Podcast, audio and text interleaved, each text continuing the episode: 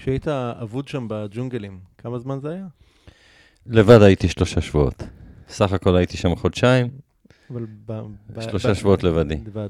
היה, היה שם איזשהו רגע שחשבת שאתה לא, לא חוזר משם בחיים? מ, הרגעים האלה היו קטנים ובודדים. זאת אומרת, הסבירות שאני לא אחזור בחיים הייתה כמעט ודאית, אבל אני לא יכולתי לחשוב ככה. לכן לא חשבתי ככה. גם ברגעים הכי קשים הייתי בטוח היית בטוח שאני יוצא? מזה, כן. היה, היה משהו שאמרת, וואלה, אני... אם אני לא יוצא משם בחיים, אני אצטער שהוא לא קרה? לא.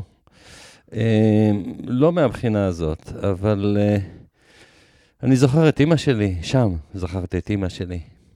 כי רציתי להתאבד פעם אחת, כשהייתי עד, עד, עד, עד החזה בתוך ביצה ולא יכולתי לצאת מהביצה. והצלחתי להוציא את ערכת התרופות שהייתה לי. היו שם כל מיני כדורים, לא ידעתי אפילו מה זה. אמרתי, אני אבלע את כולם, אני ארדם, אני אטבע. ואז ממש ראיתי איזה מין חיזיון כזה של אימא שלי. אמרתי, לא מגיע לה, אני, אלחם. יכולת ונלחמתי. לצאת. אז uh, על המלחמה ההיא ובכלל על מסע החיים שלך, אנחנו מיד נצלול פנימה. מיד, בכיף, מיד בכיף. אחרי זה.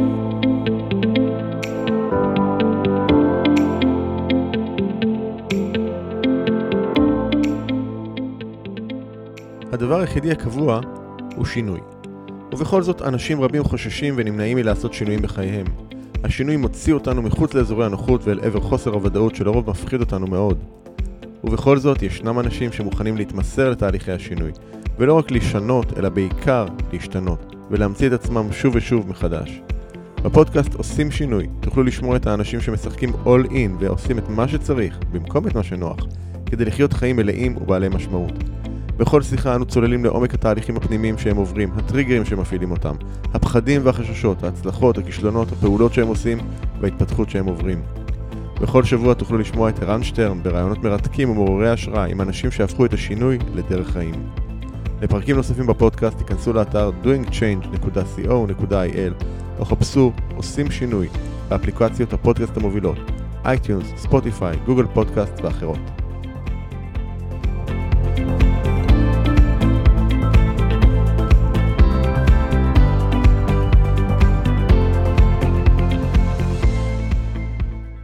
שלום ליוסי גינזברג. רן, לכבוד הוא לי.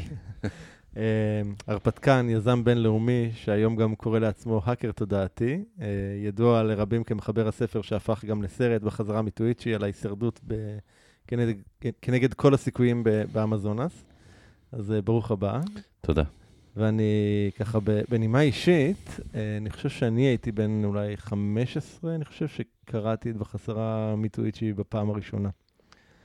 וזה, אני, אני מאוד אהבתי לקרוא, והספר הזה היה מין כזה, וואו, כאילו, וקראתי אותו כמה פעמים כנער, עוד כנער, והוא השאיר עליי הרבה מאוד רושם אה, באמת על מה, מה אדם אה, יכול לעשות, ועל הכוח, ה- נקרא לזה, של הרוח האנושית, אז ככה גם הזדמנות להגיד לך תודה. בשבילי, אני פוגש, פוגש כאן איזשהו סוג, סוג של גיבור ילדות, אתה יודע. זה נעים לשמוע. אז uh, אני אוהב אה, להתחיל עם אנשים לפעמים ככה מההתחלה, מהילדות אפילו. קצת לשמוע על אה, איזה, איזה ילד היית. הזיכרונות הראשונים שלי הם מבני ברק. אני מניח אה, גיל ארבע, כי בגיל חמש כבר עברנו מבני ברק לרמת גן. אז אלה הזיכרונות הראשוניים שלי. אני זוכר את ההורים, את, את השכנה. הייתי בורח לשכנה כדי שהיא תשמור עליי. אה, יש לי זיכרונות אה, ילדות מעטים, אבל ברורים מאותם חמש שנים ראשונות של חיים. היית, היית הרפתקן גם כילד? אה, אני זוכר מאורע אחד שקפצתי, היה שם איזה בניין שבנו אותו, וקפצנו מהקומה השנייה אל ערימות חול. הייתי ילד קטן וקפצנו. אני זוכר שפעם נפלתי גם באיזה... הכל היה שם בפיתוח כנראה, שנפלתי לזפת חמה. באיזה גיל כזה, עדיין בבני ברק. אני לא יודע אם זה היה מהרפתקנות. אה, עוד לא הייתי מספיק מפותח בשביל להגדיר את עצמי ככה. אבל כילד וכנער הייתי, תמיד הייתי הרפתקן. אה, ההרפתק- ההרפתקנות שלי היא בעיקר רומנטית, זאת אומרת, היא? מתחילה בחלום. שיש לך חלום, איזה הזיה, שאתה גיבור ואתה עושה איזה משהו. זה חלום. אם אתה הולך אחרי החלום, אז אתה הרפתקן. אז אה, משם אתה מתבגר, וככה תצטט לנו רגע את הקו מאז, ואז באמת אולי, לה, אני חושב, האירוע המשמעותי הזה של ה... אה, מבני ברק עברנו לרמת גן, גדלתי בתל גנים, שכונה מאוד, uh, מעמד בינוני כזה גבוה, בוא נגיד, שכונה של ילדים טובים בסך הכל. בית ספר תל גנים, אחר כך בית ספר בליך. היו בי סממנים שונים, אני זוכר, כנער. אחד, הייתה לי תאוות קריאה בלתי ניתנת לריסון. זאת אומרת, אני לא יכולתי לסבול ללמוד. זה שיאמם אותי רצח, ובצדק. כהבדל, למה כל כך אהבתי לקרוא? כי אתה למד מסיפורים, אתה לא לומד מהרצאות. אז המורים לא יודעים לספר סיפורים, כן. הם משמימים. אז הייתי קורא ספר מתחת לשולחן. תמיד, היה לי איזה ספר, ובלילה הייתי קורא ספר, והייתי פותח את העיניים והייתי קורא ספר. אה, השנים האלה היו בעיקר כדורסל וקריאה של ספרים. אה, בגלל שהייתי כל כך uh, נער שלא הקשיב למורים, אז הסתבכתי קצת עם הרשויות. הייתי גם מרדן מטבעי, אז עשיתי קצת בעיות משמעת וכן הלאה. באיזשהו שלב הם ביקשו ממני בנימוס שאני אעבור לבית ספר אחר, בית ספר בלי... ונתנו לי מכתבי המלצה מפוארים רק כשאני אלך לבית ספר אחר. אז את השנה האחרונה שלי עשיתי במקיף uh, יהוד, שזה היה בית ספר מאוד צבעוני באותה, באותה שנה. אה, שנת 77. סיימתי את התיכון והתגייסתי לצבא. אה, שירתתי, למזלי, באמת הגדול, אה, שירתתי שלוש שנים בשארם א-שייח.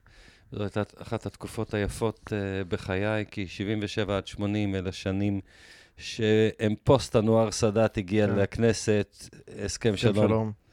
אז השנים בשארם א-שייח היו שנים של ללא מתח. אה, השנים האחרונות של החזקה הישראלית על סיני. סיני הייתה לגמרי לא מפותחת. ואני התאהבתי בסיני והתאהבתי בבדואים, ואני לא הייתי עולה הביתה לחופשות. אני, כל השלוש שנים האלה, אני נשארתי שם.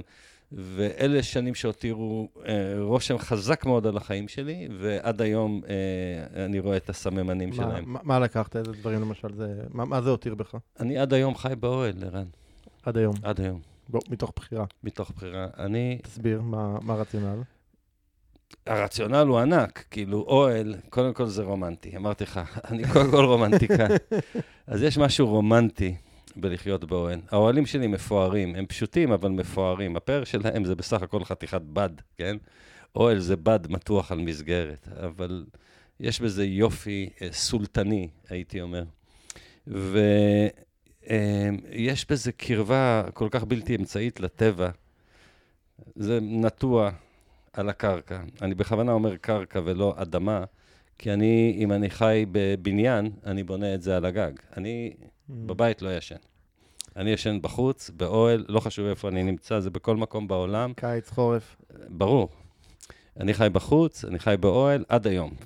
ואני בן 62, מדובר ב-44 שנה מאז שהייתי בן 18 בסיני, אז זאת השפעה מאוד מאוד חזקה. אני יושב אוהלים, כי אני מבין גם, המשמעות של אוהל זה שאתה נווד, שאתה עובר אורח, שאתה זמני פה, שאתה משאיר טביעת רגל כי מה, קלה. הקביעות, אה, הקביעות אה, פחות טובה עבורך? לא, היא אשליה, הקביעות. על זה אני מסכים, כאילו, כן. אתה יודע, הביטחון הזה, הוודאות שהרבה אנשים חושבים שיש, היא אשלייתית, אני מסכים לגמרי. ויש עוד אבל משהו. אבל עדיין, כאילו, יש משהו... יש משהו מקרקע בלגור בבית משלך, ובאוהל כן. אתה בחמש דקות מתקפל, אולי שעה, בסדר? אם זה אוהל נכון. גדול. כן. אתה מקפל אותו ואתה ממשיך הלאה, זה העניין? כן. כאילו, לא, לא, אני מסכים איתך, אני גם... אה, רוב החיים הייתי נווד. אה, גם עכשיו אני נווד, אלא שאני... תמיד כשאני מתיישב, אז אני לא נווד. ברגע שאני במקום מסוים, אני שם, לגמרי. וזה קיצוני. אם אני נוסע ליומיים, ואני חוזר אל המלון, אני לא אומר אני הולך למלון, אני אומר אני הולך הביתה. כן, איפה שאני יושן, זה הבית שלי. כן. וזה גם נכון. כל לילה, זה יכול להיות הלילה האחרון. אני מעדיף למות בבית. אז אחרי הטיול, אה, אחרי, אחרי הצבא, יוצאים לטיול? לא היה כזה דבר, נראה. Okay. אוקיי. זה לא היה מסורת. Okay. אוקיי. בשנת 80 לא ידעתי שיש מוצ'ילרוס, לא ידעתי שמטיילים, לא ידעתי ש... אז איך הגעת לזה? בגלל הספרים. הספרים. כן. Um, קראתי המון ספרי הרפתקאות, והבנתי כבר בגיל צעיר אני רוצה להיות בתוך הספר, לא רק לקרוא אותו. אוקיי, אני רוצה גיבור. כן, אני רוצה להיות הגיבור. ואז החלטתי שאני אצא בעקבות הגיבורים שלי, ואני אלך לעשות... little did you know. בדיוק. כן. אז רגע, אז אתה יוצא לטיול. לא, אבל זה לא, זה היה טיול מובנה, כי אני ידעתי לאיפה אני יוצא. אני החלטתי במודע, אני יוצא לאמזונס, וזו הייתה החלטה מודעת לגמרי. התוכנית הייתה כזאת, אני אגיע לאמזונס, אני אחפש יער שרגל אדם לא דרכה בו. ביער הזה אני אמצא שבט שטרם פגש את התרבות. אני אהיה בן התרבות הראשון שייצור מגע עם השבט הזה. הם יאמצו אותי, הם יהפכו אותי לאחד מבני השבט, אני אהפוך להיות צייד, אני אהפוך להיות לוחם. אחר כך אני אתאהב עם הבת של ראש השבט, אני אשא אותה לאישה, אני בעצמי אהיה ראש השבט, ואם זה לא מספיק, אני חייב גם למצוא איזה אוצר, או אוצר של איזה תרבות, האינקה, המאיה, ווטאבר, או איזה אוצר טבעי, יהלומים, אזמר- אזמרלדים, או משהו כזה, ואז יהיה לי הכל. הבת של ראש השבט. זה נשמע אחלה סרט, הדבר הזה, לא? נכון.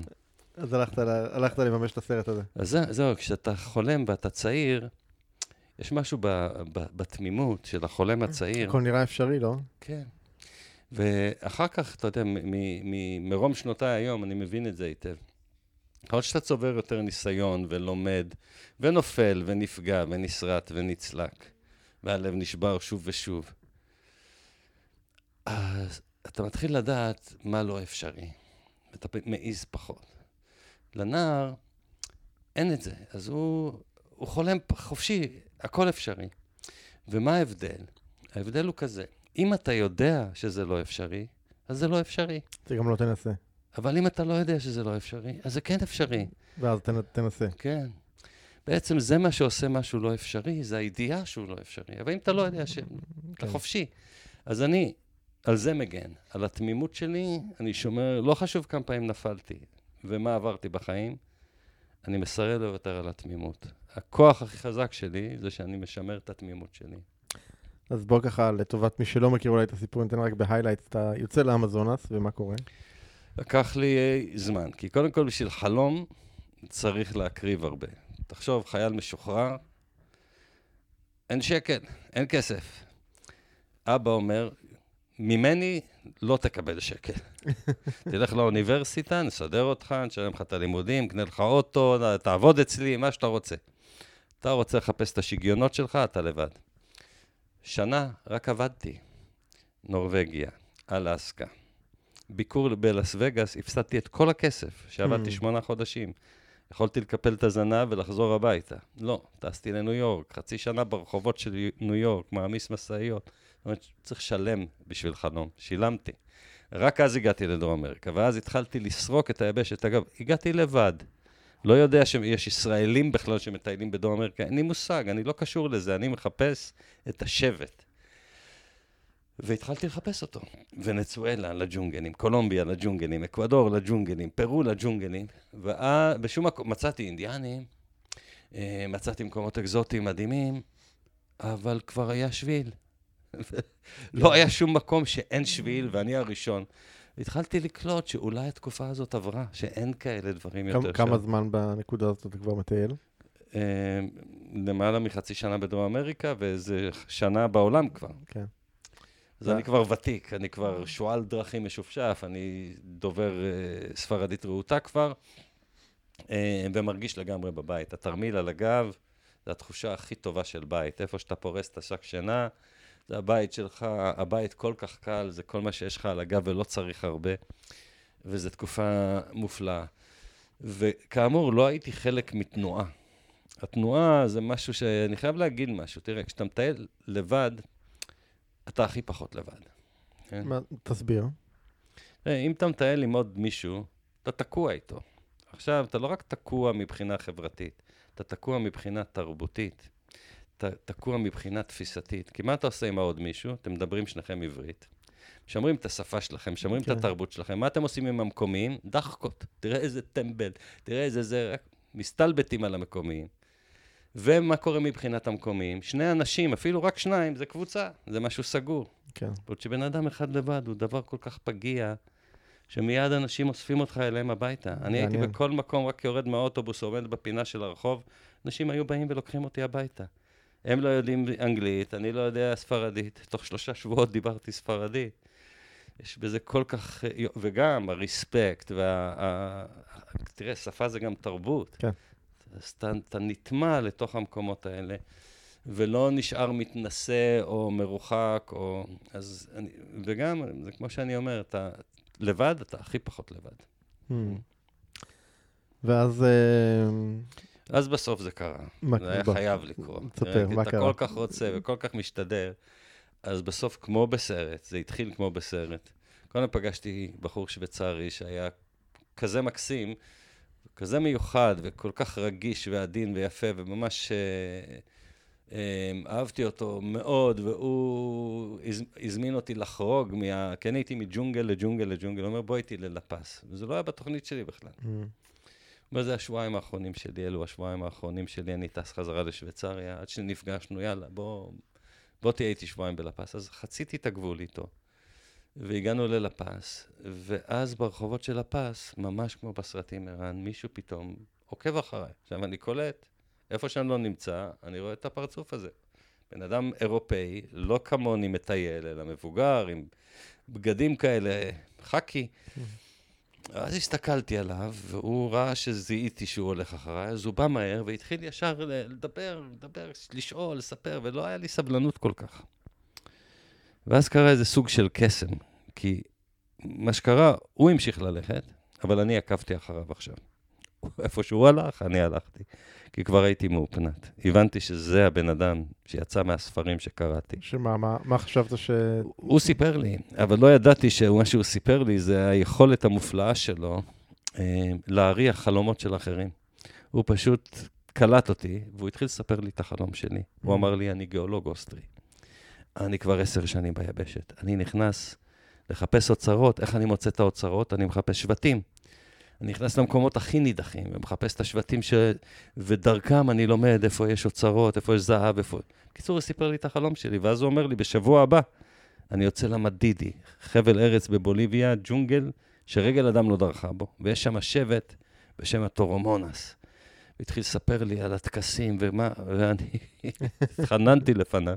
לא ידעתי שהוא בעצם מין שקרן פתולוגי. הוא... חלקים היו אמת, חלקים היו שקר, הרוב היה שקר, אבל היה לו קסם אישי, והוא היה story teller. אה, ואני נפלתי בקסמו ובשביו, ומיד התחננתי לפניו. זה החלום שלי, קח אותי איתך. הוא נעתר, ואיכשהו בנסיבות אה, שצריך לפרט, אבל בקצרה אני אגיד שמרקוס ניסה להגן עליי, לא לצאת. והוא הביא את קווין, קווין היה איזה בחור גדול כזה, שני מטר גובה אמריקאי, וכולם הכירו אותו כי הוא היה בריון ועשה כל מסלול אפשרי. הוא היה במקרה בלפס.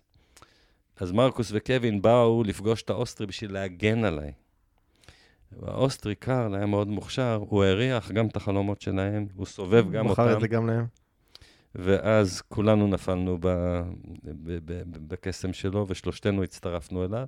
שבוע אחר כך היינו כבר במעבה היער. ושם זה מתחיל להסתבך.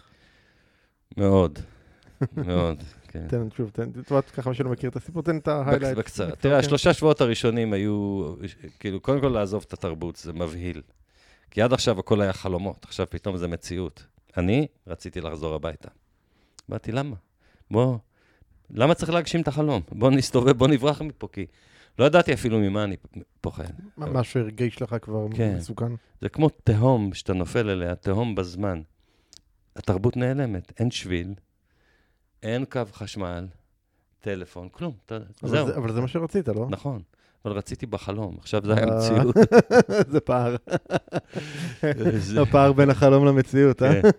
אז נבהלתי, אבל התביישתי להגיד שאני מבוהל, והתביישתי להגיד שאני רוצה לחזור. ולמזלי, באופן מכוער מאוד, אני אומר, מרקוס היה הרבה יותר מבוהל ממני, והרבה יותר חלש ממני, Mm. כי אני גם הייתי חלש לעומת קווין וקארל. אבל הוא היה חלש בחבורה והפחדן בחבורה, אם אפשר להגיד את זה, כי אני העמדתי פנים שאני אמיץ, בגלל שהוא צעק, והוא בכה, והוא התלונן, והוא דאג, והוא אם נגע אש בקהילה שלו, הוא צרח, אז uh, יכולתי להעמיד, כשאתה חזק. כן, להעמיד פנים, אבל אני ידעתי. ב... לפעמים אתה משקר את עצמך, אתה מתרגל כל כך, אתה מאמין לזה. כן. אבל ביער המסכות uh, מתפרקות, ואתה רואה את עצמך ערום, וזה הדבר הכי מפחיד. הכי מפחיד היה לפגוש את עצמי. יותר מהג'גואר מה- מה פגש-. מה פגשת שם? כמו שאני מספר לך, לראות את מה שאני מספר לך, לראות שאני מנצל Mm.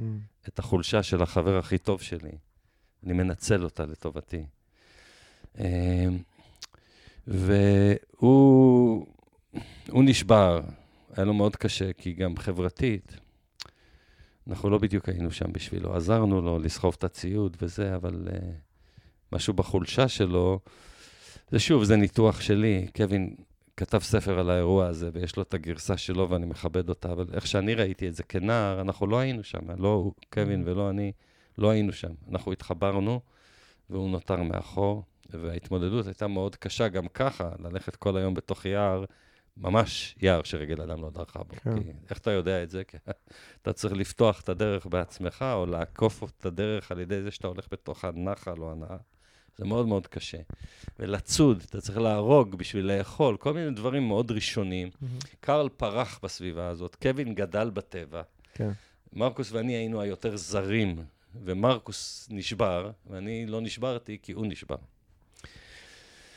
אה, ואחרי שלושה שבועות כאלה גם התחלנו לקלוט שההוא שקרן פתולוגי, כי שקרן פתולוגי לא שולט בזה. הוא כן. משקר אובססיבית, כבר השקרים מתחילים uh, לסתור אחד את השני, וכבר לא ידענו אם יש שבט, אין שבט, מה הוא ממציא, מה האמת. הוא ידע מה הוא עושה ביער, הוא היה אמון, ממש, הוא היה איש טבע, הוא פרח בטבע, אבל האובססיה שלו עם, ה, עם הסיפורים, כבר הבנו שאי אפשר לסמוך עליו, וכיוון שהאוכל נגמר, ומרקוס גם היה עדין, הוא לא יכל לאכול את הקופים ואת ה...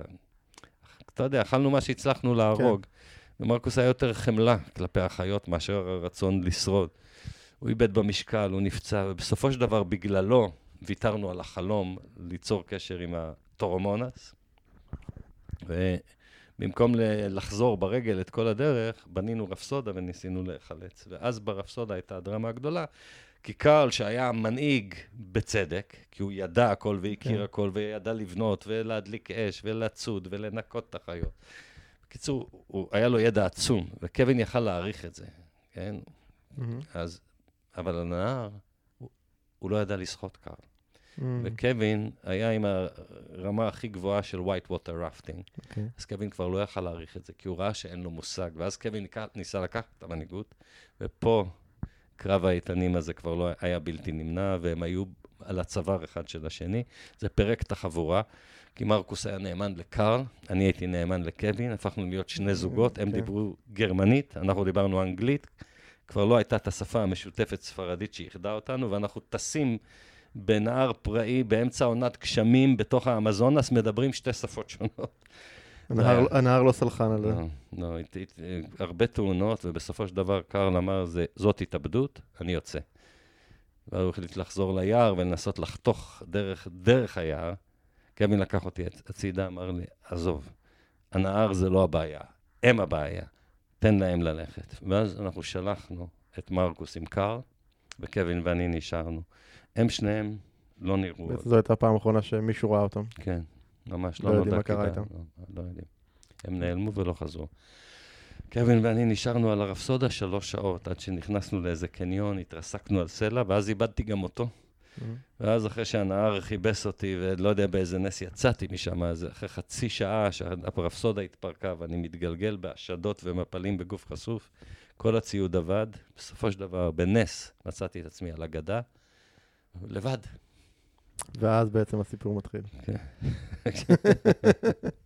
ואז שלושה שבועות שם. שלושה שבועות לבד, בלי ציוד, כן. בלי אוכל. אנחנו לא ניכנס לכל המסע הזה, כן. זה מי שרוצה, יש את הספר. יש את הסרט. יש את הסרט, כן. אני ממליץ על הסרט. ספר זה הרבה עבודה. עד כמה.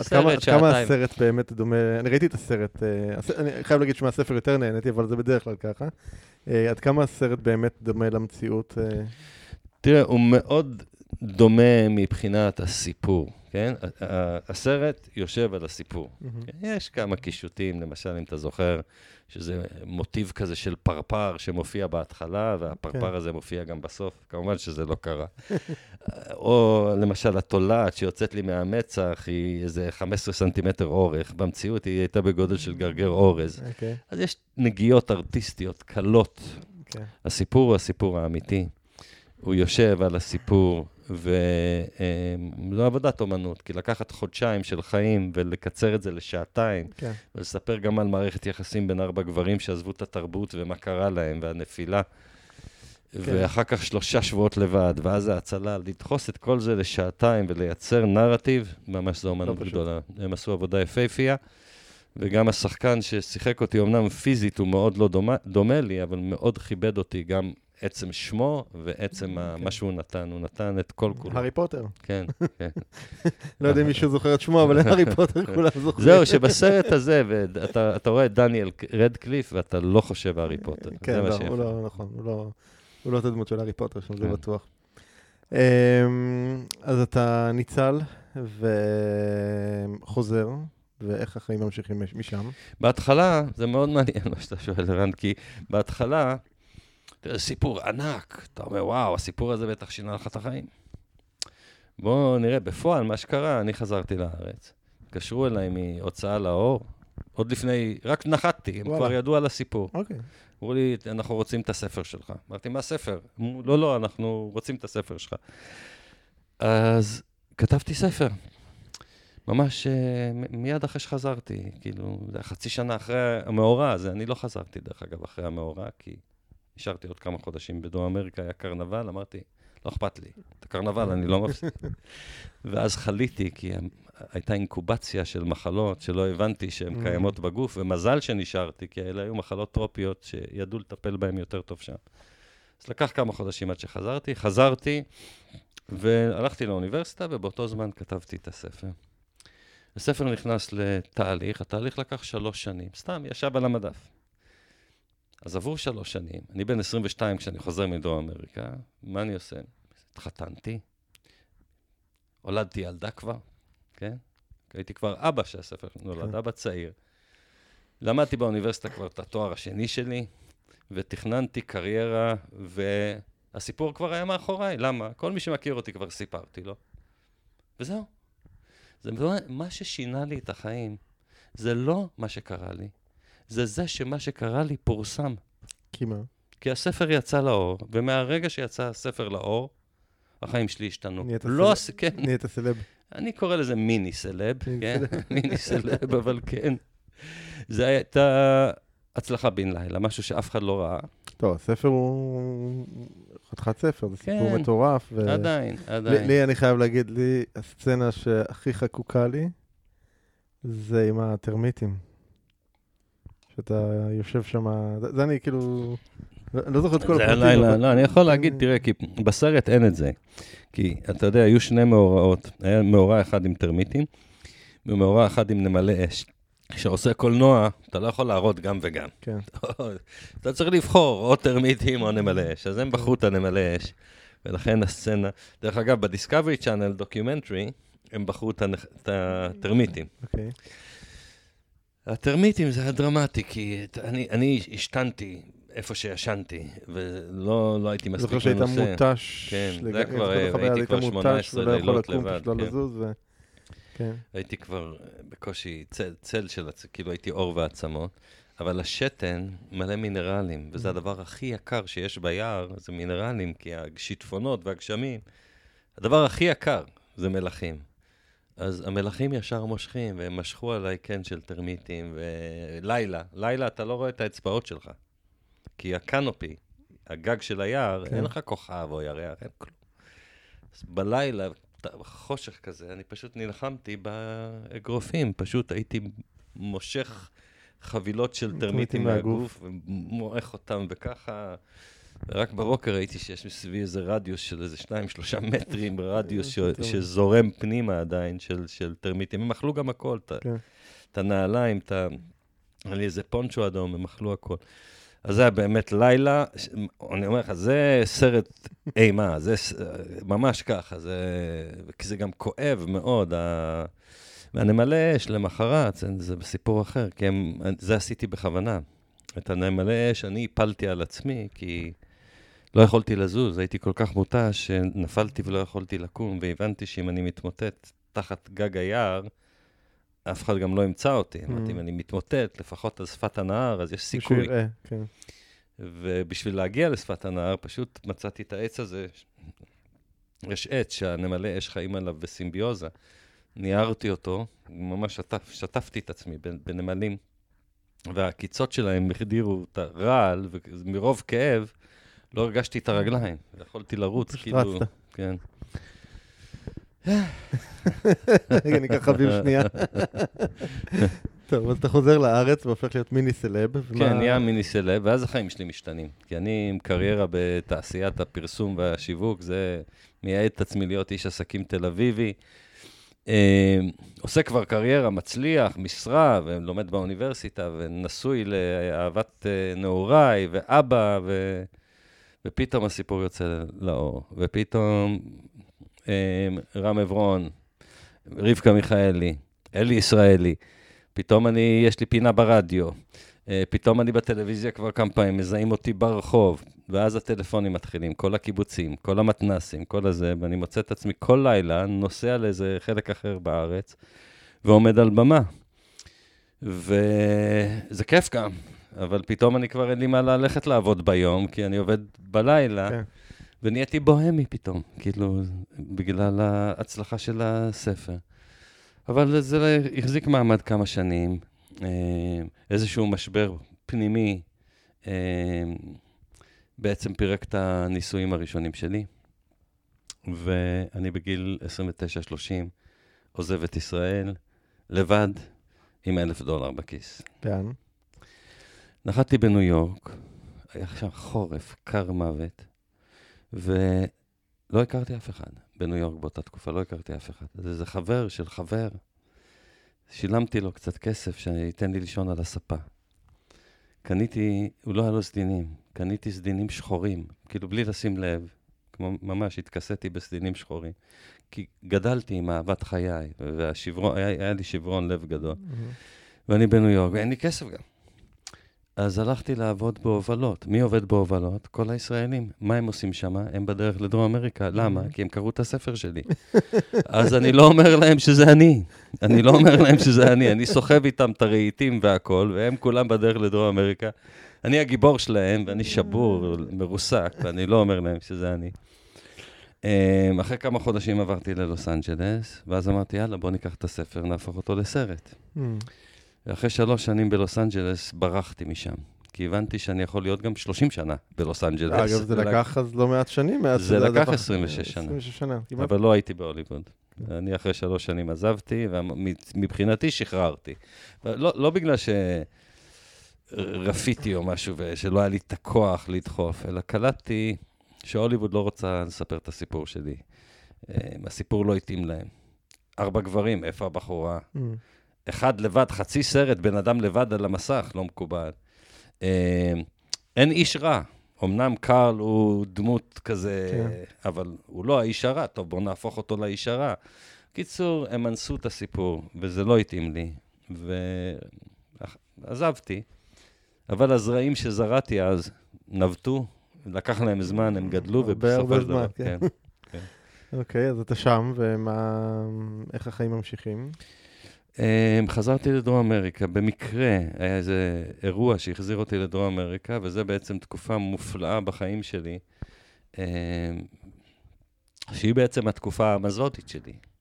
החיים שלי באמזונס זה לא הסיפור. אני ב-92 חזרתי לאמזונס, um, בגלל הסרט. זאת אומרת, הייתה איזו חברת הפקה שהייתה מעוניינת לעשות את הסרט, והם שלחו משלחת. אני הובלתי את המשלחת, היה שם מפיק, תסריטאי, צלם סטילס והשחקן הראשי. השחקן הראשי... מי היה אז? אמיליו אסטבס. כן. הוא ואני הפכנו להיות חברים טובים, ויצאנו ליער ועמדנו לעשות את הסרט, אבל זה החזיר אותי לאזור. ואז באזור פגשתי את השבט שהציל את קווין, ויחד עם קווין חזר להציל אותי. Mm. השבט הזה הוא השבט היחיד למעשה שחי במדידי. קוראים להם אוצ'ופיאמונה. ודרך המפגש הזה, אה, הם ביקשו ממני לעזור להם.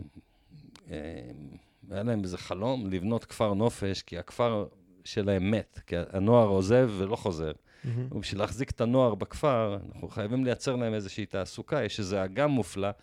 אם נבנה שם, נבנה שם אה, כפר נופש, הם גם יבנו אותו ויתפרנסו, אבל אתה יודע, זה רחוק, זה, זה באמצע המזונס, רחוק.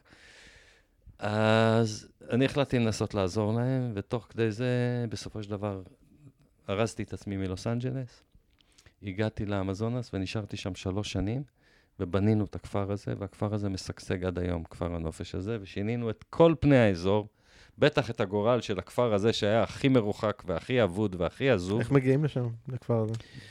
בזמנו, בשנת 1992-93, אה, הייתה טיסה אחת בשבוע, הטיסה הייתה של תם. תם זה טרנספורטה האירו-מיליטר, זאת אומרת, זה חיל, חיל האוויר הבוליביאני, הרקולסים. אבל המנחת היה מנחת של דשא, ברור נבקה, שזאת עיירת הג'ונגל. היה מנחת דשא, זאת אומרת, אם יורד גשם, אפשר לשחות. עכשיו זה יער גשם, אז יורד גשם רוב הזמן. אז הטיסה מבוטלת. אם אין טיסה, מה האלטרנטיבה? יש כביש. זה לא בדיוק כביש, זה דרך. איך קוראים לדרך? דרך המוות. זה נשמע שם אטרקטיבי לתיירים. זה הכביש הכי מסוכן בעולם. ש- של, אין פצועים על דרך המוות, מתים. רק מתים, כי זה תהום. קיצור, 17 שעות בדרך המוות עד לרורן אבקה מלפס, עם עוד טיסה, ומשם שמונה שעות במעלה סירה, בנהר, שמונה שעות עם קנו, זה המון. ואז עוד איזה שעה הליכה לתוך הג'ונגל, וואו. ושם מתגלה האגם. רחוק מאוד.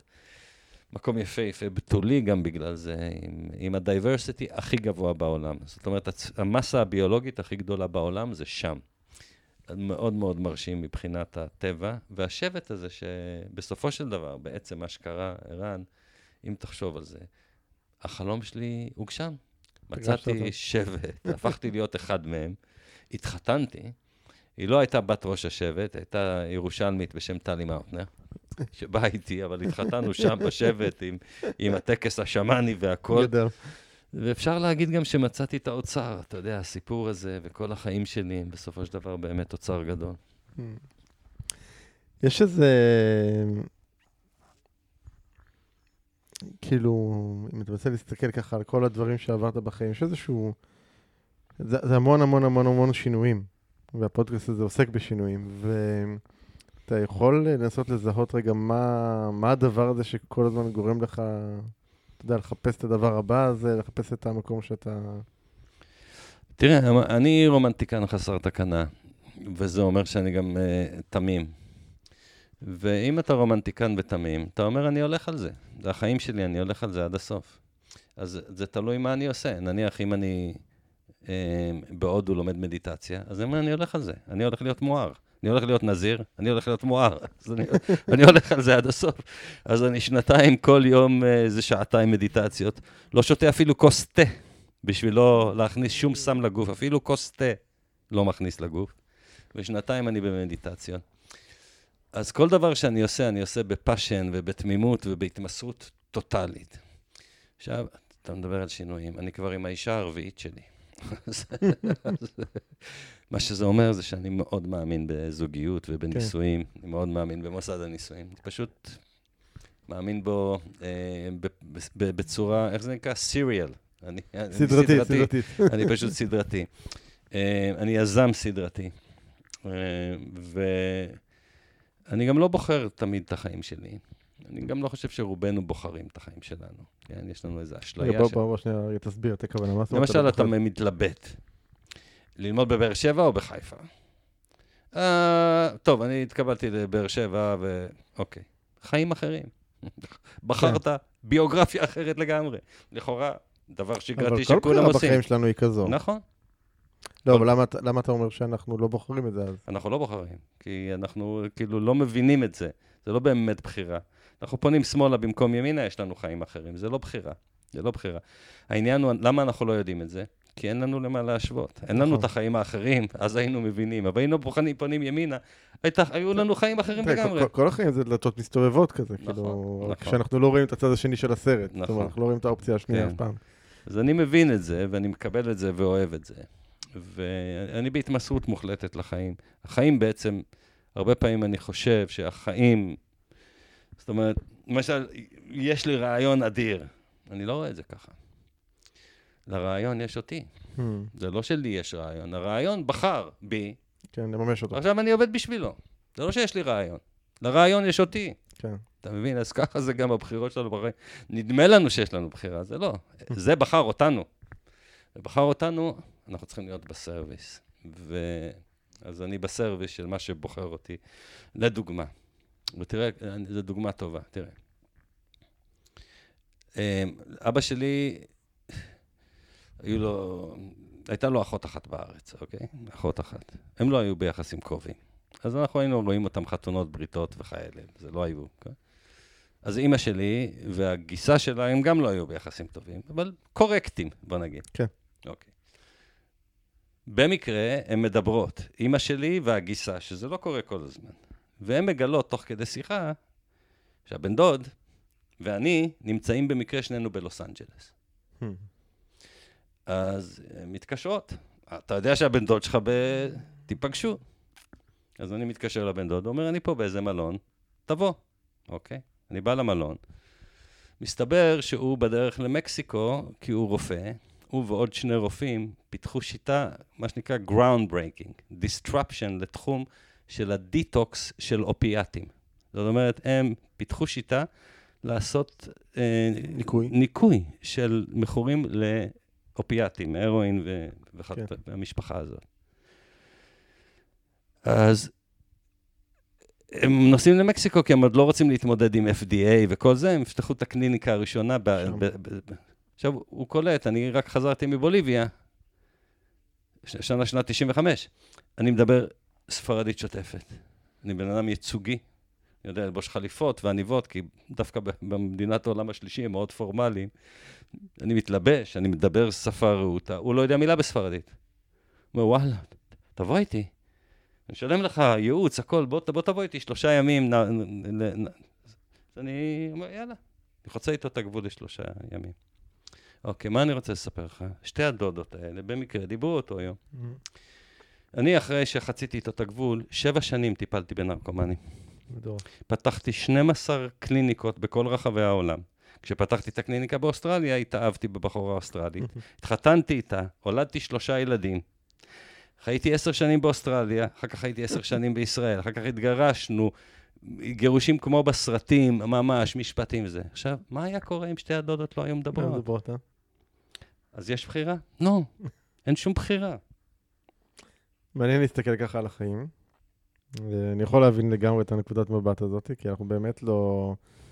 אתה יודע, יש פה מישהו יכול להגיד, אתה יודע, זה בחירות של למעלה, בחירות של הנשמה שהובילו את הצירופי מקרים האלה לכל מיני... אה, יש מצב. כן, בדיוק, אז... אה, אבל, אה, אבל בהחלט, בהחלט זווית מעניינת להסתכל על זה. יש, יש רגעים שבהם אתה מתחרט על בחירות כאלה או על החלטות כאלה? לא. גם לא, על, נגיד, על, ה, על ההחלטה ההיא שם לצאת לג'ונגל עם קארל? לא. אין בזה שחר. מה זה, מה זה עוזר להתחרט? זה מין איזה תרגיל מחשבתי בשביל מה? כן. זה חסר תוחלת לחלוטין. אה, תראה, יש, יש כשאתה- מקום של לגדול מ, מלהבין שעשית משהו לא בסדר. החרטה עצמה, אם היא מתבטאת ברגשות אשם, זה הדבר הכי שפל. מה זה רגשות אשם? זה לשנוא את עצמך. נכון. אז אין בזה, אבל יש ערך בלגדול מזה, להפנים ולהתפתח כבן אדם. ולקח לי זמן להבין את זה, כי הייתי מלא ברגשות אשם. מלא ברגשות אשם. על מה? על מרקוס. מהמם. אני מבחינתי בגדתי בחבר, לא הייתי שם בשבילו כשהוא היה צריך אותי. שלחתי אותו כנגד רצונו. הוא רצה להישאר איתנו על הרפסודה, היינו שלושה חברים, האוסטרי היה מדריך. כן. אנחנו החלטנו, לא, והוא לא חזר. אז חייתי עם הרבה רגשות אשם. מה, מה אתה חושב שקרה לו? אני לא יודע, אבל אני רוצה לחשוב שזה היה מוות מהיר, ו- ומשהו אלים כזה, כמו שיטפון שיורד ב- בערוץ. שלא, ו- יותר מדי סבל. כן, כן, זה מה שהייתי רוצה לחשוב. ושזה קרה לשניהם ביחד. כדי שלא לחשוב. כן. אבל אף אחד לא יודע באמת. Hmm. הבחור הזה קרא, אגב, מישהו יודע מי הוא היה? כאילו... אה, הוא... ניסיתי למצוא את המשפחה שלו. אני יודע שהוא בא מהעיר גרץ באוסטריה, היו כמה משפחות של רופרכטר, והתקשרתי. לא הצלחתי למצוא. מהשגרירות האוסטרית, הם סיפרו לנו שהוא היה עבריין אה, מתחום פוליטי. זאת אומרת, הוא היה רדיקל פוליטי. זה גם, רוב הסיפורים שלו היו עם כל מיני תיאוריות על אה, שינוי עולמי. הוא היה איש מרתק, הוא לא היה איש רע, הוא היה פשוט uh, שרוט בצורה מסוימת, כן. כשהיא עברה את הגבול של הנורמלי. כן. ב- בהכנה לשיחה שלנו כתבת שאם היית חתול כבר היית מת מזמן. נכון. תסביר. תראה, חתול תשע נשמות, אני כן. בזבזתי יותר. יותר? כמה ב... האח- האחרונה, לפני שבוע, התרסקתי על כביש 4 עם אופנוע. התפוצץ לי גלגל קדמי תוך כדי נסיעה.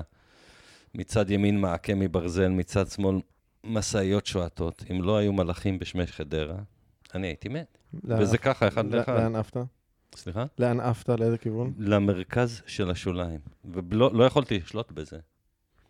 אני התרסקתי על המרכז של השוליים, לא על הגדר ולא על הכביש? ולא על הכביש, וגם יחסית לא קרה לי כלום. כן, אתה יושב פה. כן. אבל זה מלאכים בשמי אז חדרה. מה, מישהו שומר עליך? כן, כן. אין לי ספק. ככה אתה מסתובב בעולם? אין לי ספק. מהתחושה הזאת? לא שאני רוצה לזלזל בשומרים ולסכן את החיים שלי כן. יותר מדי, אה, יש לי גם הרבה מה לעשות ויש לי ילדים, אבל קיבלתי מסר ברור שהזמן שלי לא הגיע, ואני יודע שזה ככה. מבחינתי זה כבר לא עניין של אמונה. אני, אני יודע אה, שיש שמירה. גם אז, אגב, באותו גיל צעיר, אני יודע שהייתה שמירה, אני יודע את זה בוודאות, הר- הרגשתי אותה, וזה בעצם המשבר הכי גדול בחיים שלי, זה המשבר הזה. שמה? של הידע הזה. הי- היית שאתה שמור? ש... ש... לא, לאו דווקא שאני שמור.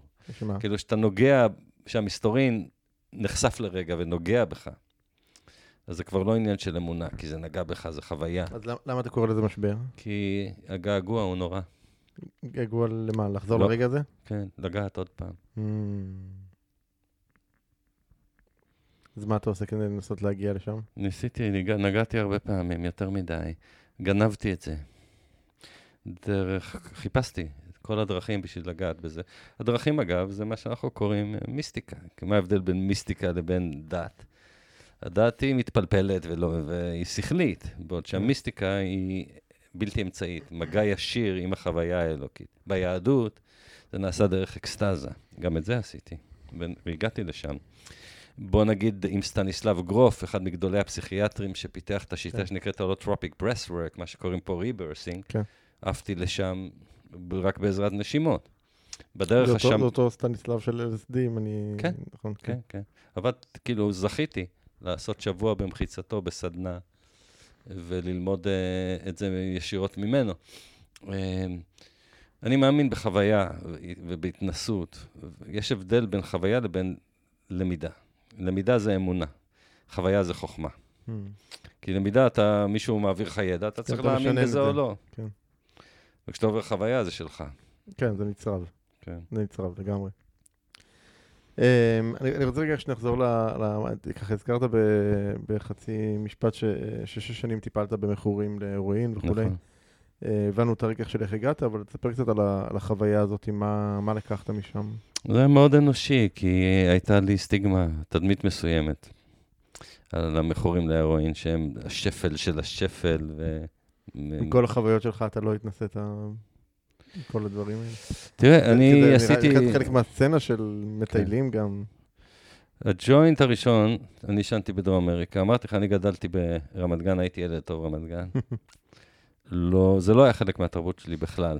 אה, ואחר כך בצבא ממש לא היה. זה גם לא עניין אותי, זה לא... לא גם לא אלכוהול, זה לא כמו היום, אני רואה את, הילדים שלי. נכון. אה, אבל בדרום אמריקה, גם, אחרי איזה חצי שנה של טיול, חבר טוב, היום, כן? אז רק פגשתי אותו, הוא גלגל לי את הג'וינט הראשון, הייתי בן 21 וחצי בדרום אמריקה, הג'וינט הראשון. אז זה הרקע שלי, הוא לא בא מ... ואחר כך עשיתי אה, חוויות פסיכדליות, מהמם. יותר מהרבה, עשיתי, עשיתי חוויות, אני, אני אספר על זה, כי זה חזק, אבל אף פעם, זה תמיד היה בקדושה, זה תמיד היה מתוך מה, כבוד בטקסים ש... גם טקסים, את רוב הטקסים עשיתי לבד. מהמם. אני לא חלק מתנועה, אף פעם כן. לא הייתי חלק מתנועה. אה, כמו שאמרתי לך, טיילתי לבד, וגם בעולמות האלה טיילתי לבד, או עם עוד מישהו אחד לידי כדי לשמור אחד על השני, אבל זה לא נעשה בקטע חברתי בכלל. יותר וגם לא התפתחותי. בקטע מסיבתי, כן. של כאילו בוא ניקח סמים ממסיבה. זה נעשה בקטע של exploration, של חשיפה תודעתית, וזה נתן לי המון, המון, המון, המון. מה, מה לקחת מה, מה, מההתנסויות האלה? ידיעה, כיוון ששוב, זה התנסות. אני מתתי בהתנסויות האלה, איזה 60 פעם לפחות, מסוג מסוים של סם הכי, קש... הכי חזק שיש מהסמים הפסיכואקטיב. והסם הזה פשוט, אה, אני נתתי לו את השם החרב הסמוראית. כי להבדיל מדברים אחרים, הוא לא צריך שתהיה במצב רוח מסוים, mm-hmm. או תהיה מוכן, הוא פשוט כורת לך את הראש, לא אכפת לו באיזה מצב אתה.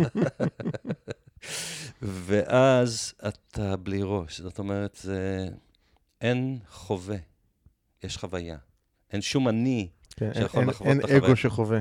אין שום, אין, אין, אתה רק חוויה, אבל אין מי שיחווה אותה, אין, לא, אין, אין הזדהות עם מישהו שחווה, אלא רק עם החוויה הנקייה. אני אפתח פה שנייה סוגריים לטובת המאזינים, ככה, מי שככה מעניין אותו יותר על מה שאנחנו מדברים כל העולם הפסיכדליה. פרק 13 בפודקאסט שלי עם דוקטור קרן צרפתי מדבר על, על באמת על כל העולם של הפסיכדליה, והיום אפילו על מחקרים אה, מאוד מתקדמים של טיפול באנשים עם, אה, אה, בדיכאונות והפרעות פוסט-טראומטיות בחומרים האלה, אז ככה נוט, תיכנסו לפרק ההוא להקשיב קצת יותר לעומק. לגמרי. זה, אני עשיתי מסע, כמו שאמרתי לך, כל דבר שאני עושה, אני עושה בהתמסרות מוחלטת, והיו כמה שנים מהחיים שלי שהתמסרתי לשמניזם. ושוב, מאותו מקום, זה נעשה מהמקום הזה שהרצון לפגוש את הקדושה באופן ישיר, ופגשתי אותה. אבל הבנתי שאני גונב את זה. Mm. והבנתי שזה גם לא נשאר. והבנתי לא- שכל לא פעם שאני גונב את זה עוד הפעם, אני גם מדלל את מה שאני לוקח משם. אז היום אני קורא לעצמי post-psychedelic. אוקיי. אז אה, נחזור רגע למכורים להורין, אז ככה, כן. מה, מה נגיד, אה, דיברת שהייתה הרבה חמלה, אבל כן. מה, מה, נגיד, מה הדבר הכי מרכזי שיצאת משם? להבין את האנושיות, קודם כל, של כולם, ואת הסטיגמות שיש לנו על אנשים, התוויות שאנחנו נוהגים אה, להטביע, להטביע על אנשים. ראיתי את האנושיות באנשים, אה, והבנתי שהם... הבנתי הרבה מאוד מזה. תראה, בעצם ההתמכרויות, רובן, הפכתי להיות, דרך אגב, מומחה עולמי לאופיאטים, להתמכרויות לאופיאטים. Mm. אתה יודע למה? כי אני לא מומחה. אז הייתי חייב להיות מומחה. אם הייתי איזה דוקטור או פסיכיאטר, היה לי את האוטוריטה, אבל כיוון שלא הייתי, הייתי צריך להיות יותר. ובתחום הזה המצומצם של התמכרות לאופיאטים, ידעתי הרבה יותר מרופא ממוצע או פסיכיאטר ממוצע. על התחום הקטן הזה ידעתי כן. הכל. קראתי כל מאמר, ידעתי אותם בעל פה. כי דיברתי עם שרי בריאות, ודיברתי עם רופאים ועם עם, עם, עם, עם פסיכיאטרים, ואני פתחתי את המדינות. אז אני הייתי הראשון שמגיע ומסביר על השיטה החדשה ובונה את הקשרים ומארגן אותם, גם מהצד המשפטי מול רשויות וגם מהצד של למצוא את הבית חולים ולמצוא את הרופאים ולמצוא את האדמיניסטרציה ולהכשיר אותם. ממש אה, עשיתי את כל העבודה, אז הייתי חייב להיות מומחה. בסופו של דבר באוסטרליה לקחתי את הפרנצ'ייז לעצמי, לא פתחתי קליניקה למישהו אחר, אני פתחתי אותה, ואני בעצמי ניהלתי את הקליניקה הזאת במשך כמה שנים. אז אמ, אמ, בוא נגיד, היה בי, אני אומר את זה בלשון עבר, היה בי איזה, איזה הפרעה משיחית כזאת, אתה יודע, שאני רציתי להציל אנשים, כן? זאת אומרת, היה שם אגו. היה שם, אה, בהרבה עשייה טובה יש אגו, זה לאו דווקא, אגו, אגו יכול להיות במובן טוב. אבל עשיתי הרבה טעויות, והתערבתי יותר מדי בחיים של אנשים. לא היה לי את הריחוק המקצועי שיש לבעלי מקצוע. Mm. יש בזה יתרונות גם לא להיות תמיד בריחוק הזה, זה יותר כן. אנושי, אבל עשיתי דברים שהם פשוט... אני, אני הכנסתי אנשים לבית שלי והשכבתי אותם במיטה שלי, mm. שיעשו detox. אתה מבין? זה כן. כאילו, זה כבר... הלכת עד הסוף עם זה. אז מה, מתי זה הסתיים ולמה זה הסתיים? זה הסתיים בצורה נוראית. אה, בשנת uh, 2000, בקליניקה שלי ב, בסידני, uh, לריסה הוקינס, המטופלת ה-250 שלי באוסטרליה, uh, מתה תחת השגחתי. Mm. ואז זה הסתיים ב-coroner investigation ותביעות, והפסדנו. גם בתביעות, והכל קרס בצורה הכי צהובה שאפשר לראות, עם 60 minutes על מה שקרה לנו. כן. עם uh, השע... הכותרות של העיתונים, ממש על העמוד הראשי. כן. באה לחפש את החופש שלה ומצאה את המוות שלה. כן. ואכלו אותי חי, כי אני הלכתי נגד ה system שם, ובאתי ועשיתי כמו איזה maverick כזה, עשיתי בלאגן באוסטרליה. כ- כמה אנשים לפני כן אה, הוצאתם מהסמים? כעשרת אלפים. כעשרת אלפים. והכל קרס בגלל מקרה אחד. לא, זה לא, הסניף האוסטרלי קרס. אה, סניף אוסטרלי, אוקיי. כן. תראה, ב appendix, אם אתה עושה עשרת אלפים appendix, יש יותר מקרי מוות ממה שהיה לנו. היו לנו שלושה מקרי מוות בעשרת אלפים איש. בהוצאת שן בינה יש יותר. אמ, יש לך אה, מיזם בשם ההרפתקה, כן. נכון? תספר על זה קצת. ההרפתקה זה המיזם הנוכחי, שהתחלתי אותו ב-26 לנובמבר 2019. אני מפרט את זה כי זה טרום קורונה, זה התחיל. כן. אה, ההרפתקה זה שם שבעצם מייצג בשבילי המון, כן? כמו שדיברנו, אני באמת הרפתקן, שוב, במובן הרומנטי של המילה. אני אומר, במובן הרומנטי, אני לא מנסה לעשות משהו שאף אחד לא עשה, לש- לשבור איזה הר שאף אחד לא כבש אותו קודם, או... אני מחפש את השבט, עם הבת של ראש השבט להתאהב בה, עם לשבת מסביב למדורה ולספר סיפורים. זה מה שמעניין אותי, כן? אני אוהב את הרומנטיקה. אני אוהב גם את מסע הגיבור. אני אוהב את התמימות ואת התעוזה ולעשות דברים. עכשיו, כשאתה אומר הרפתקה, מה שברור כשאתה אומר הרפתקה, שזה לא טיול מאורגן. טיול מאורגן, אתה יודע מתי יוצאים, מתי חוזרים, מה עושים בזה, מה, מה רואים, איפה אוכלים, איפה יושנים. הכל ברור. מה הטיול המאורגן אומר? אנחנו נעשה שיהיה לך נעים ונוח, אפילו שאתה תגיע לכל מיני מקומות, אנחנו נשמור אותך באזור הנוחות שלך. כן. הרפתקה אומרת, אתה תצא מאזור הנוחות. אתה תפגוש אולי סכנה. אתה תצטרך לבחור, אולי להיות אמיץ ולהתמודד. אה, אתה לא תחזור אותו בן אדם. אולי הלב שלך יישבר. אה, כל הדברים האלה יש בסכנה. ב- ב- אלה הסכנות של ההרפתקה. תשמע, ואנשים הולכים לזה מרצונם, זה נשמע מאוד מפחיד, יכול להיות להרבה אנשים. יש כאלה שנמשכים, ואלה שנמשכים זה מספיק. Mm-hmm. אה, ומגיעים. אני עשיתי עכשיו כבר חמישה מחזורים כאלה, ואני אני מרגיש שזה מתיישב. אנשים, זה מתחיל להיות מין, אנשים רוצים לעשות את זה, כי זה גם מאוד אפקטיבי. אה, ההרפתקה היא אה, designed by mistake, לא שישבתי ובאמת הצבתי אותה, אלא איכשהו, החיים, שוב, לא אני בחרתי בזה. הגיעו לחבר'ה שאני חייב לתת להם קרדיט, חבר'ה מאוד מאוד נחמדים, שנקראים Project X. כן. וזה היה הרעיון שלהם. גלעד וארז.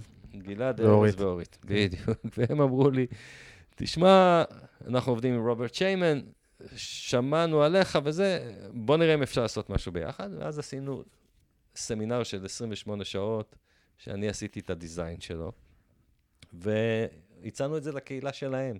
והקהילה שלהם באה, 24 איש, שכולם באו מפרויקט איקס, והיה לי אותם בבית אורן ל-28 שעות. אני ב-28 שעות האלה התקפתי אותם.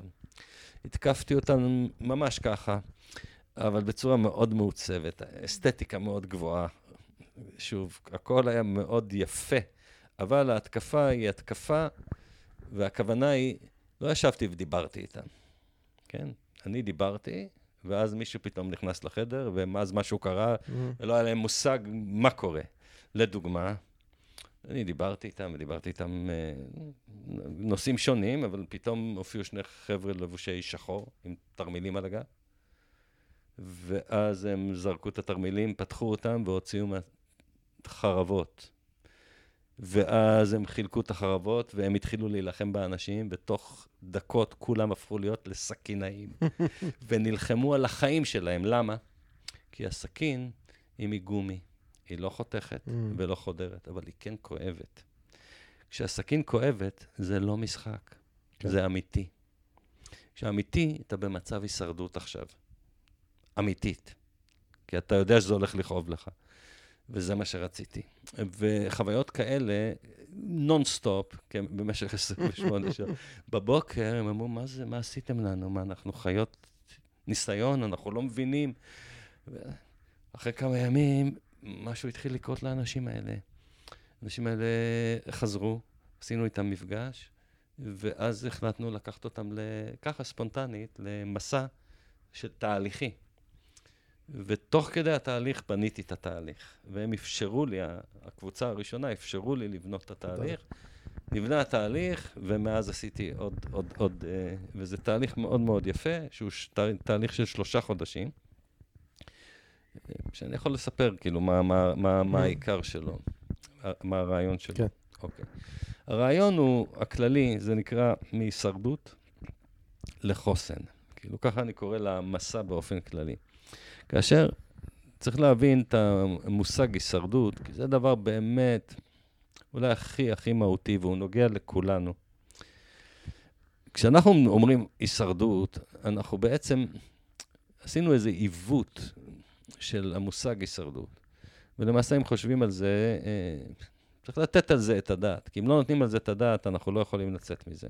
חייבים להבין את זה קודם כל. תראה, הישרדות, בעצם, המילה הישרדות, היא מייצגת משהו שהוא סכנה מיידית ומוחשית לחיים. זאת הישרדות. כשיש סכנה מיידית ומוחשית לחיים, בן אדם נתקל בסיטואציה, ועכשיו יש לו סכנה. במצב הזה אנחנו יודעים מה זה, זה כאילו יש the three F's, כאילו fight, flight or freeze, כן? כן?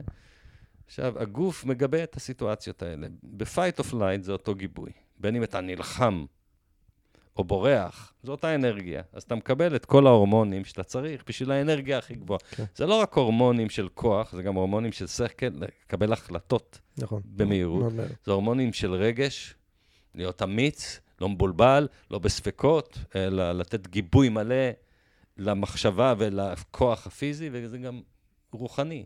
כי אתה באמונה, אתה בתקווה. זאת אומרת, כל המערכות מקבלות המון כוח בשביל לפגוש סיטואציה כדי לשמור את האורגניזם בחיים. אפילו לא בחירה שלך. האורגניזם בוחר את זה. זה גדול, כן, זה גדול ממך. זה גם לא רק אנושי, כל חיה עושה נכון. את זה. יש קדושה של החיים. לקדושה של החיים לא אכפת מהאופי של הבן אדם או של החיה. החיים בסכנה, קדושת החיים שומרת על עצמה, והיא מביאה את כל הכוחות.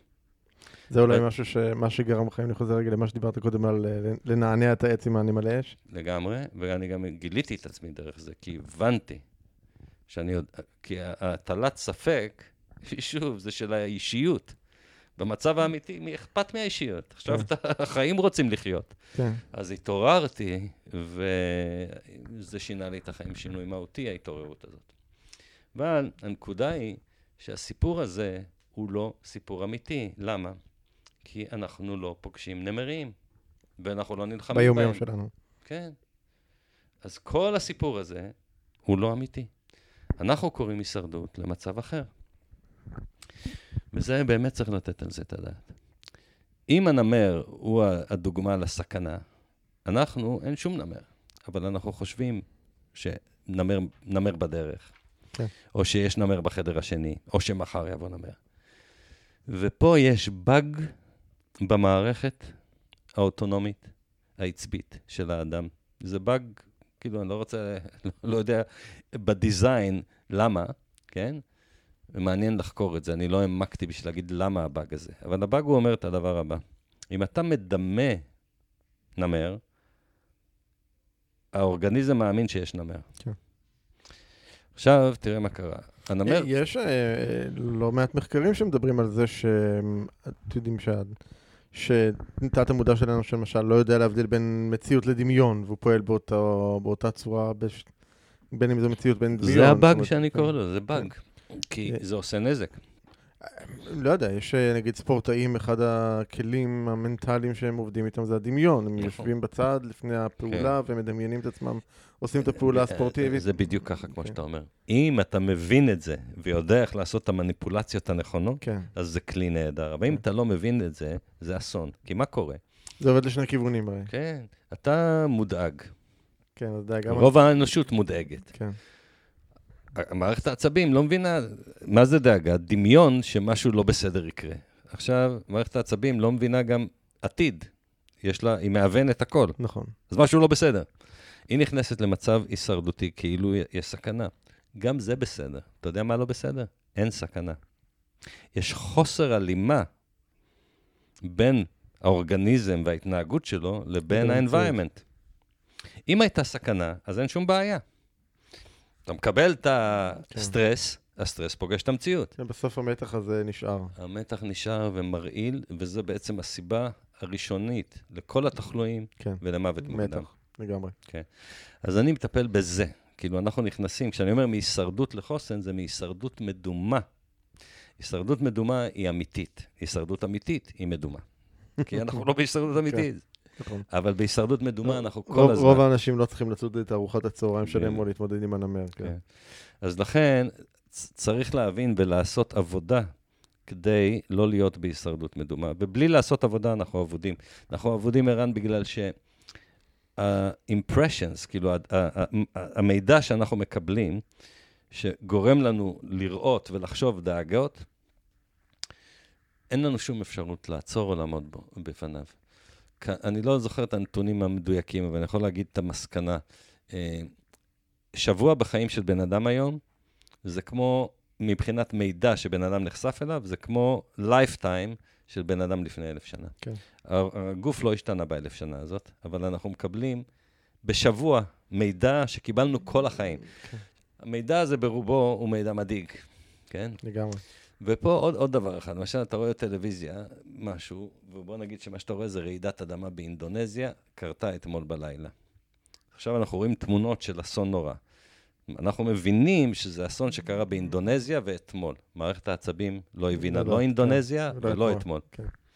אלה הבאגים, ולכן אין לנו סיכוי. אנחנו מקבלים גירוי. אני כבר- אני כבר שנים אה, נמנע מחדשות ועיתונים וכל אלה, ו- כן. ואני מדבר על זה הרבה עם האנשים סביבי, הלקוחות שלי, ואתה עכשיו נתת פה הסבר מאוד מאוד אה, חשוב ומהותי לדבר הזה. אז זה גירוי, זה נקרא גירוי סימפתטי כרוני, המצב הזה. אנחנו, אנחנו כולנו בגירוי סימפתטי כרוני. זאת אומרת שאנחנו במצב, המצב הבסיסי שלנו זה כאילו אנחנו בסכנה. אגב, קח לא. את התקופה של השנה האחרונה, עם כל הקורונה והפימפום הבלתי פוסק של אה, סיפורי זוועה וסטטיסטיקות נורא והפחדה האיומה כן. והנוראה הזאת, זה- זה- לגמרי. זה הכניס, אה, לדעתי, את האנושות למצב סטרס מטורף, זה מטורף. נורא, זה כן. נורא. אה, ראיינו אותי הרבה בתקופה הזאת בעקבות זה, ואני הייתי אומר תמיד, בכל ראיון הייתי אומר, תראו, תעשו שני דברים בבקשה. תלכו למקרר, תפתחו אותו. יש אוכל? תסגרו את המקרר. תלכו לחדר שינה, תראו, יש, יש מיטה, יש כרית, יש שמיכה. אתם לא בהישרדות. כן. אולי יש צרות, אולי יש בעיות, נכון. אולי יש דאג, אבל אתם לא בהישרדות. יש הבדל אדיר, אתם לא בהישרדות. כשהגוף במצב הישרדותי, הוא, והוא לא, הוא לא פוגש מציאות הישרדותית, זה המצב הכי גרוע. אז אנחנו בהרפתקה, שם אנחנו מתחילים. ואנחנו לא מתחילים, דרך אגב, את זה אי אפשר להסביר למערכת העצבים. אתה. לא יכול להסביר בסרט, אה, את זה." הבנתי. הבנת, לא עוזר פה כלום. זה התחלה בשביל לקחת פעולה, אבל פה צריך לעשות ביו-האק. ופה אנחנו מגיעים להאק התודעתי. אני האקר. אני יזם, וכיזם, האקר זה מילת... גנאי. אה, לא, ההפך. זה מילת שבח הכי אה, גדולה. אוקיי. כשאתה, יש לך חברת סטארט-אפ, מה אתה מחפש? האקרים שיעבדו אצלך. זה לא מילת גנאי, זו המילה הכי גבוהה בעולם, בעולמות האלה. כן? לא, מה זה האקר? מוצא את הפרצה, מו- מו- מוצא את הדרך הזריזה והמהירה, לא עכשיו תפתח. הוא נכנס לגיטאב, מוצא את הפלאגין, בום, זה בפנים, לא כן. נשב עכשיו לפתח קוד. אז אנחנו מחפשים את ההאק. בשבילי האק, יש עוד כמה דברים שאני רוצה להגיד. פרטו זה האק. אוקיי, מי שמבין פרטו, כן. זה האק. תעשה תעשה 20, 20%, תקבל 80, 80. כן. למה לעשות את כל המאה בשביל לקבל, לנסות לקבל 100? תעשה את ה-20, תקבל 80, זה האק. MED זה עוד מושג, minimal effective dose. תמצא את ה-minimal effective dose, שזה לפעמים פרטו בריבוע. זה לעשות פרטו על פרטו, תעשה רק 4 אחוז.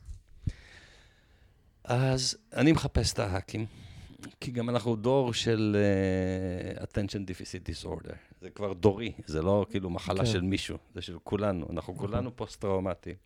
אנחנו כולנו עם attention deficit disorder.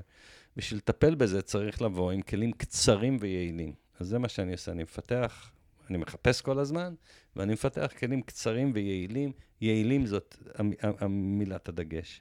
כן? ולכן זה חווייתי, חווייתי. מכניסים את זה לגוף, מכניסים את זה למערכת העצבים, נכנסים למערכת הרגשית, נכנסים לתודעה, עובדים עם, עם המערכות. זה מה שאנחנו עושים בהרפתקה. אנחנו עושים את זה על בסיס יומי, על בסיס שבועי, ופעם בחודש אנחנו יוצאים לשטח ועושים הרפתקה על. אמת. יוצאים לשטח ועוברים משהו חזק ביחד, וכל המסע הזה נמשך שלושה חודשים. שמע, אחלה מסע. כן. מה, תגיד, מה מה גורם לך לקום בבוקר? מה מעיר אותך? תראה, בן אדם, אם אין לו מטרה, הוא אבוד. הוא אבוד. למה? אתה שואל, הוא מתעורר בבוקר, אתה שואל אותו מה, הוא לא יודע. בן אדם צריך לדעת, כי אם הוא לא יודע, אז אין לו סיבה להקריב. אז, ואם אין לו סיבה להקריב, אז המטרה שלו הופכת לנסות לשמור את הסטטוס קוו, שזאת המטרה הכי איומה, שרוב האנשים, אה, פחות או יותר, זו המטרה שהם מתנהלים כן. איתה. וזה עצוב נורא. לא בשביל זה נולדנו, נכון. בשביל לנסות לשמר על ה... סטטוס אזור קוו, נוחות כן. המדומה גם, כי אזור נוחות הוא האזור הכי לא נוח, אזור נוחות. כן. כן, אזור זה נוחיות. המשפט שלי אומר שמי שמחפש את הנוחות יגיד שהוא חי חיים מאוד לא נוחים. כן, מאוד. כן. כי גם זה, זה הפוך על הפוך. ההגדרה של הנוחות, מעצם הגדרתה, היא הגדרת הסבל. הגדרת הנוחות היא הגדרת הסבל. אני, אני ברשותך אסביר את זה שנייה. מה זה הנוחות? זה מין מקום כזה באמצע. מה זה מקום באמצע? זה מה שטוב לי, כמה שיותר. מה שרע לי, בכלל לא. כן. אבל כיוון שאי אפשר, משהו באמצע, שיהיה כן. נוח, ממוצע. ממוצע, כמה שיותר טוב שאפשר וכמה שפחות רע, אם אפשר. זאת הגדרת הסבל. הגדרת הסבל זה אזור הנוחות. כי מה שטוב לי, הוא בא, אבל הוא גם עוזב. ולכן, מה שטוב לי, ברגע שהוא עוזב, הוא הופך לסבל, הוא הופך לרע. ומה שרע לי, למה? כי אני רוצה אותו ולא מוכן לשחרר. הוא משתחרר ממילא. אז הטוב הופך לרע. הרע, אני לא רוצה אותו, אז אני מתנגד לו. אז הוא נהיה עוד יותר רע. אז הטוב נהיה רע, והרע נהיה עוד יותר רע. המקום, ש... וזה סבל, למה זה סבל? כי כשהרע בא, ובואו נגיד, ניקח דוגמה לרע, כאילו, נפצעתי, כואב לי, כן? עכשיו אני מתמודד עם כאב, אבל אני לא מסכים עם זה. למה זה לא פייר, זה נורא כואב לי, ודי, ואני לא יכול. עכשיו, קורים פה שני דברים. מצד אחד, כואב לי, סבבה, או לא סבבה, אבל כואב לי. מצד שני, מה שקורה בראש, זה לא קשור לכאב. זה לא הגוף מייצר. כן. הסבל הוא סבל מנטלי. נכון. אני עכשיו לא... ומה זה הסבל? אי קבלת הכאב. אם הייתי מקבל את הכאב, אז או הייתי או נשאר עם הרצון הכאב. להימנע ממנו. נכון. כן. אז זאת הגדרת הסבל. אז אם יש לך מטרה, אז אתה יוצא מאזור הנוחות, כי יש לך מטרה. עכשיו, the aligning principle is purpose. זה, זאת המטרה שלך. עכשיו, אתה יוצא, אתה מקריב, לחיים יש לך משמעות. מה משמעות החיים? משמעות היא משמעות החיים. מטרה זה משמעות. כן. אז אה, יש לי מטרות טווח ארוך, יש לי מטרות טווח קצר. כרגע המטרה שלי. זה עוד ארבע ימים, אה, לעשות אירוע מכונן, שהוא אה, חגיגה מטורפת של החיים, שנקראת חגיגת קסטה קסטה. תס- תספר עליה. זה ב-13 במאי, זה בדיוק יום ההולדת שלי. אה, אתה חייב להיות שם, באמת. כי לא חגגו לך ככה יום הולדת, אני מבטיח לך. אז תראה, אה, זה יום מוות של חבר הכי טוב שלי. אה, השנה 1993, אני בונה את כפר הנופש הזה באמצע האמזונס עם האוצ'ופיאמונה. אה, חבר מאוד טוב שהכרתי בבוליביה, אני מבקש ממנו שיבוא להיות הבסט מן שלי. הוא יורד את ה-17 שעות באוטו, עולה את ה-8 שעות במעלה הנהר, צועד לתוך היער ומגיע לאגם, ושם עם עוד הרבה מאוד מוזמנים, אנחנו עורכים טקס חתונה שמאני, ולמחרת הוא חוזר הביתה, בדרך חזרה הוא נהרג. אז אני, בדרך- איך, בדרך המוות? בדרך המוות. איכשהו אני מצליח להגיע ללוויה, אשתו מבקשת שאני אספיד אותו. זה יוצא שבמהלך יומיים הוא מוביל אותי לחופה, ואני מוביל אותו בדרכו האחרונה. האדם הזה היה אדם מאוד מיוחד, אני יכול לדבר עליו הרבה, אבל הוא היה, הוא היה הרפטולוגי, זאת אומרת, המקצוע שלו היה חקר נחשים. Mm. אבל הוא אהב חיות באופן כללי, ובאותה תקופה הוא היה מנהל של גן החיות הלאומי של בוליביה, והוא העביר את החיות מכלובים לספארי. אז הוא היה עסוק בזה.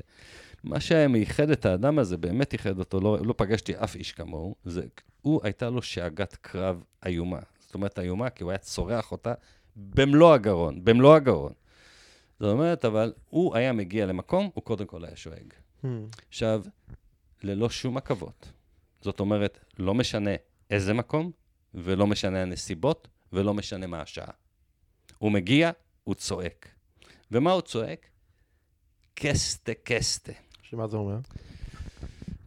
קסטה קסטה זה איזה פורמט ישן יותר של ספרדי, ומה שזה אומר בעצם זה כאסטה, כאסטה, איפה זה? איפה זה?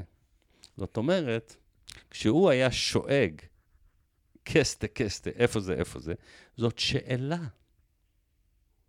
זאת אומרת, מישהו היה חייב לענות. כי אם מישהו לא היה עונה, הוא היה ממשיך לצעוק. Hmm. הוא היה צועק עד שמישהו היה עונה את התשובה. ומה התשובה? אלקי, אלקי. אלא אקי. אלא אקי. איפה זה?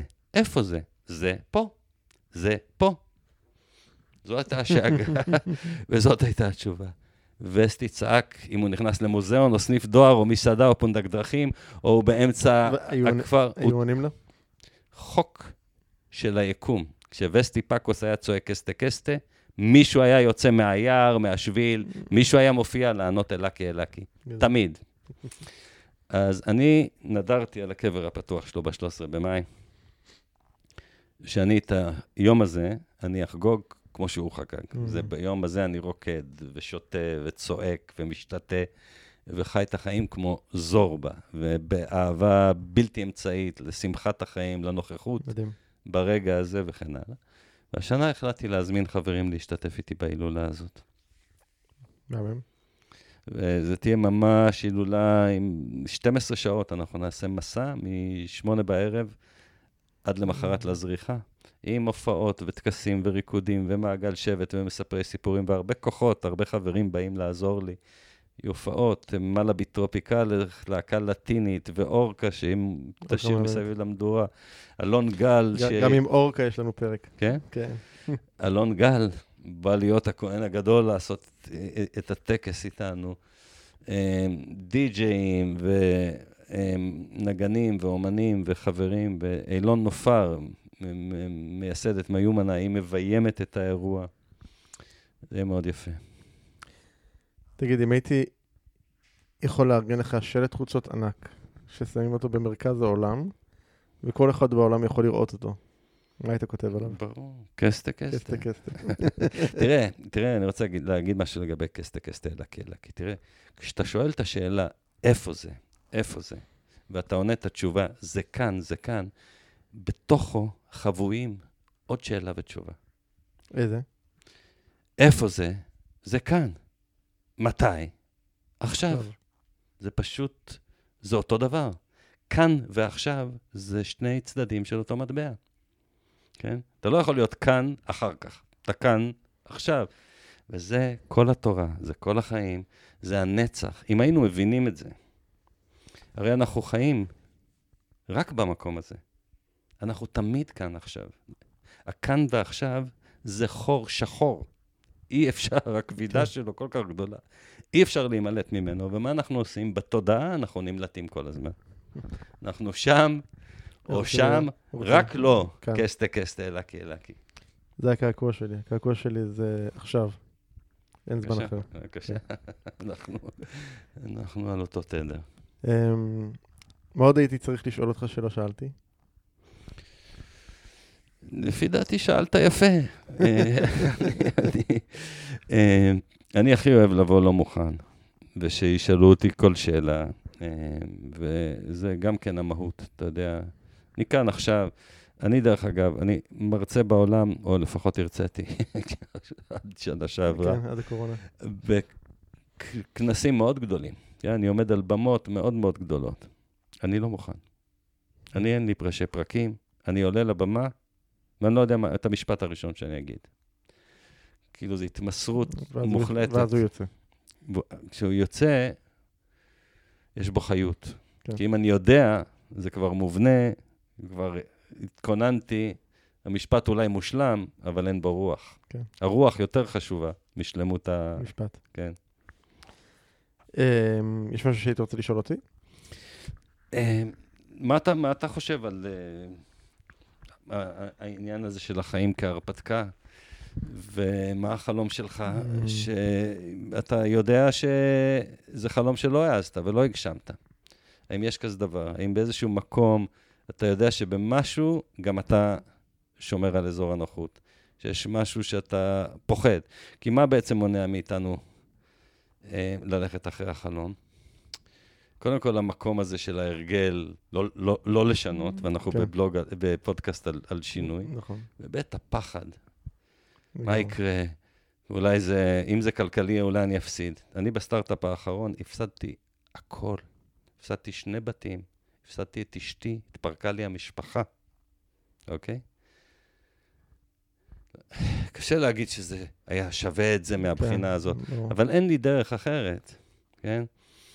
כי אני חייב, אני חייב לחיות את החלום, כאילו זה מין... אז אני רוצה לשאול אותך.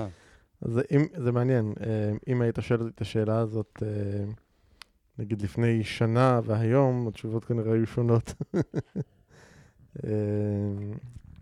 יש לי חבר טוב שתמיד ביום ההולדת שלי ויום ההולדת שלו אנחנו מתקשרים אחד לשני ויש לנו שאלה קבועה שאנחנו שואלים אחד את השני. והשאלה זה מה, מה אתה מאחל לעצמך לשנה הקרובה, שבסוף, שהתשובה צריכה להיות מאוד, אתה יודע, מילה או, או שתיים או משהו מאוד... אה, מהות כזאת היא מאוד ממוקדת לשנה. ושנה שעברה שהוא שאל אותי את השאלה הזאת, אז התשובה הייתה אומץ. אומץ לעשות באמת אה, שינויים אה, מאוד כן. מאוד אה, משמעותיים בחיים שלי, והם קרו ועוד קורים, אז לכן התש- התשובה הייתה משתנה מהשנה, מלפני שנה להיום. מבחינת חלום, אז לפני כמה שנים יצאנו לטיול כזה גדול, כל המשפחה בעולם, ו... חזרנו, וזה השאיר אותי באיזשהו מקום לא מסופק. זאת אומרת, עם, עם איזושהי, איזשהו רצון כן לקצת חיי נוודות אה, בעולם, להסתובב ולעשות את מה שאני עושה מכל מיני מקומות בעולם. אז אה, אם היית שואל אותי כרגע על החלום, אז אה, זה החלום, ומתישהו גם... אה, זה- זהו, שזה זמן קשה קצת להיות כן, נווד נווד בעולם, בעולם בדיוק, אבל... אה, בייחוד לאיש משפחה ובכלל. נכון, אבל זה, זה אבל זה זמן משהו ל- שאני... זה זמן לחלום את זה ולבנות כן, את החלום. בדיוק. ואני אוהב מה שאתה אומר על האומץ, ואני רוצה להגיד פה למאזינים שלך, שלנו, משהו לגבי האומץ. שיקל אולי. צריך להיות פחדן בשביל להיות אמיץ. Hmm, לא צריך להיות אמיץ בשביל להיות אמיץ. תסביר. אומץ זה התגברות על פחד. זה אומץ. מישהו אמיץ ולא פוחד, הוא די טיפש, אין פה אומץ. כן, מי שפוחד, רק הוא יכול להיות אמיץ. נכון. כן? לכן אני אומר, תסתכלו על הפחד, אל, אל, אל, אל תבזו אין את אומץ בלי פחד. הפחד. אין אומץ בלי פחד. בדיוק. חפשו את הפחד ותשתמשו בו כמדריך, כי הוא נותן את האפשרות לבחור באומץ. טוב, אה, יוסי, היה לי לעונג מי שככה רוצה להתחבר אליך ולעשייה שלך, איך הדרך הכי טובה לעשות את זה? אה, פייסבוק, אה, בגוגל, פשוט תחפש אותי. הדברים, גם ההרפתקה תעלה, גם ההילולה הקרובה תעלה. אה, קל למצוא אותי. אה, אני יכול גם כמובן לתת... אה, אנחנו נשים גם כמובן קישורים כן, בדף של הפודקאסט לכל ה... אבל, ערן, אני רוצה באמת באופן אישי, לא רק להודות לך, אלא לתת לך מתנת יום הולדת, הזמנה להילולה, לכבוד היום הולדת שלך. תודה רבה. הילולה מכוננת, כן? ממש לילה זהו, טרנספורמסיבי. שאני אני- אני- אנחנו- אני עורך לעצמי הפעם, פעם ראשונה בחיים, אני עורך לעצמי מסיבת יום הולדת השנה, בדיוק באותו. יום. לצערי, יופי. תודה על ההזמנה. זה, זה הילולה שנתית, היא כן, תהיה אז פתוחה לך גם שנה לשנה הבאה. תביא את החברים שלך ותחגוג איתנו. בשמחה, תודה רבה. המון תודה לך. תודה, להתראות. להתראות.